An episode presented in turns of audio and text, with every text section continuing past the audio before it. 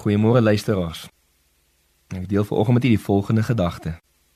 Jesus het gesterf om die wraak van God te absorbeer.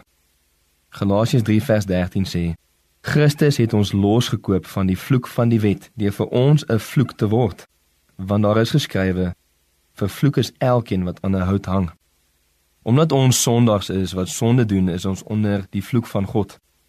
In vers 10 van die gedeelte sê die volgende want almal wat uit die werke van die wet is, is onder die vloek want daar is geskrywe Vervloek is elkeen wat nie bly in alles wat geskryf is in die boek van die wet om dit te doen nie. En hierdie vloek verwys dan na God se woede en God se oordeel, sy wraak oor sonde. En sy wraak is sy vasgestelde, vasberade, aktiewe vyandigheid teenoor sonde in alle vorme en manifestasies. Jy sien elke sondaar verdien die dood en die hel. Dit is die loon van die sonde.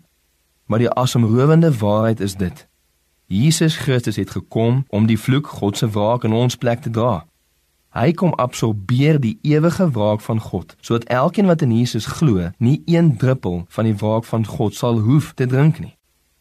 Dit is daarom dat ons die woorde van Jesus in Johannes 3 vers 36 baie duidelik en baie ernstig moet opneem, want hierdie is egter net waar vir die wat in Jesus glo. Hulle is nie meer onder die vloek nie. Hoor wat sê Johannes 3 vers 36. Hy wat in die seun glo, het die ewige lewe. Maar hy wat die seun ongehoorsaam is, sal die lewe nie sien nie, maar die toorn van God bly op hom. Mag dit dan wees dat jou geloof in Jesus alleen is en dat hy die wraak van God oor jou sonde geabsorbeer het sodat jy nie een druppel van sy wraak ooit sal hoef te drink nie. Kom ons bid saam. Here Jesus, mag dit so wees dat daar baie sal wees wat hulle geloof in U sal plaas en vir wie U die wraak van God geabsorbeer het in hulle plek. Amen.